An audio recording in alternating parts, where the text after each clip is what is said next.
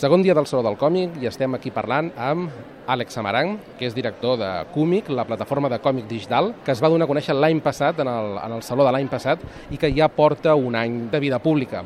Volem parlar amb ell, volem saber com ha evolucionat el còmic digital en aquest any, com ha evolucionat la plataforma Cúmic, quina ha sigut la resposta tant d'editors, d'autors i de, sobretot, lectors de còmic. Àlex, hola, molt gràcies per atendre'ns. Hola, bon dia. Un any de còmic. Quina valoració en fas? Mm, des del nostre punt de vista, eh, molt interessant, perquè hem eh, pogut eh, copsar una mica el tipus de resposta de la gent, que és el que, la percepció dels diferents sectors de lo que és el còmic digital. O sigui, hem tret moltíssima informació, en aquest sentit molt bé. És lent, és un tema lent, és un tema que encara ha de fer el seu recorregut i que curiosament has, eh, ha tingut, eh, ha estat afectat per coses que nosaltres no podem controlar, com per exemple el tema de la crisi, és a dir, dispositius de lectura important, en aquest cas, l'endarreriment de sortida de pues, eh, una cosa tan tonta com el dispositiu tàctil i super mega xulo d'Amazon pues, encara no ha sortit aquí.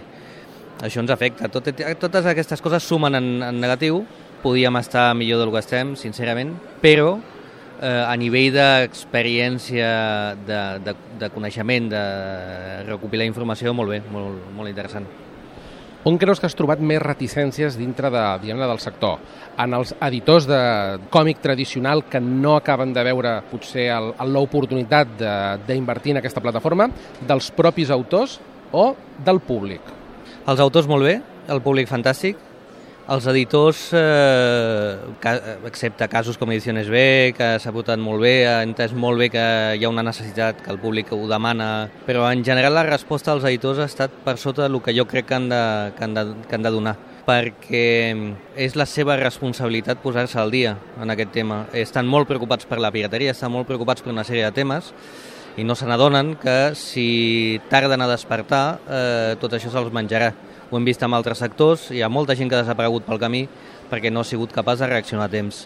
Els editors no ho estan fent i eh, bueno, aquí haig de donar un toc d'alerta en aquest sentit perquè si iniciatives com la nostra, eh, que són des de sector i a més crec que cuidem molt el material i estem molt, molt propers al, al públic, sabem el que volen, ens hi adaptem a aquestes necessitats. Si l'editor no ens apoya, eh, doncs, bueno, ens quedarem fora de joc i tot quedarà en mans de eines de distribució que no estaran tan pensades pel producte i al final qui, qui, sofri, qui patirà més és el còmic. Quin és el catàleg actual de còmic? Nosaltres ja tenim mm, pràcticament uns 200 i pico eh, títols de diversos editors que entenc que són molts menys dels que hauríem de tenir. I ja et dic, ja tenim un bon catàleg d'edicions B, que és un bon, una bona mostra de lo que, de lo que podria haver, ens donen diverses novetats setmanals, etc. Falta producte, perquè a més crec que era una gran oportunitat per eh, recuperar fons editorial eh, i els editors no ho han acabat d'entendre. Aleshores, tenim bastant menys els que ens agradaria. Ara com a SD Còmic, que és l'empresa que hi ha darrere com a distribuïdora de còmic, la setmana que ve eh, posem en marxa les tendes de, de Panini a tota Europa, eh, que són 200 i pico, 300 títols més, amb tenda específica de Panini, o sigui que bueno, eh, l'oferta va pujant, però encara és curta. Panini vol dir que és possible que aviat trobem el catàleg Marvel a, a còmic? Ja ens agradaria. Al final tampoc és una decisió nostra i nosaltres evidentment els hi hem dit que si tinguessin eh, Marvel eh, bueno, la, seria fantàstic. De moment no. De moment no, no se sap molt bé què passarà amb aquest producte. Tindran còmics eh, americans, tindran còmics de superherois però Marvel no. Una cosa que t'hem de preguntar perquè ja fa un any que ho arrosseguem aplicació còmic per Android, quan?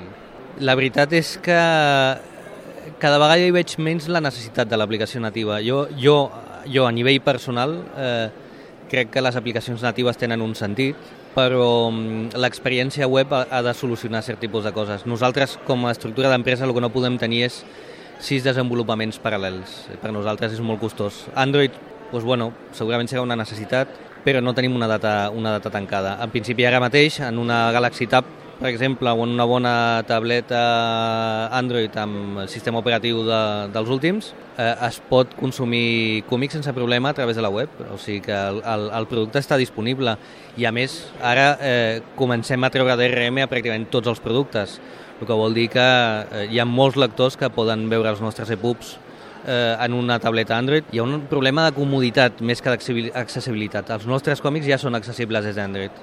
Quins són els plans de còmic de cara a aquest any 2012? Eh, en principi, nosaltres eh, el que volem és, eh, evidentment, eh, consolidar el tema. Si hi ha una aposta eh, forta per part dels editors, i si no hi ha, doncs no sé què passarà amb nosaltres. És a dir, en, en principi nosaltres entenem que la experiència més és de còmic que còmic. Còmic és un punt de venda. Nosaltres el que volem és que és de còmic ajudi a, a, a, al, al còmic a estar ja no només a còmics, sinó bueno, a Amazon, a altres, a altres punts de venda. No depèn només de nosaltres, aleshores no puc fer unes previsions massa, massa concretes. Si fos per nosaltres, evolucionar amb les aplicacions, buscar noves maneres de, de, d'ajudar narrativament a que els autors puguin utilitzar el digital per anar una, un pas més enllà, són coses que estem donant-li voltes i sobretot això, consolidar el format perquè la gent ho, hi tingui accés. Doncs perfecte, moltes gràcies i molta sort en aquest segon any de còmic. Moltes gràcies.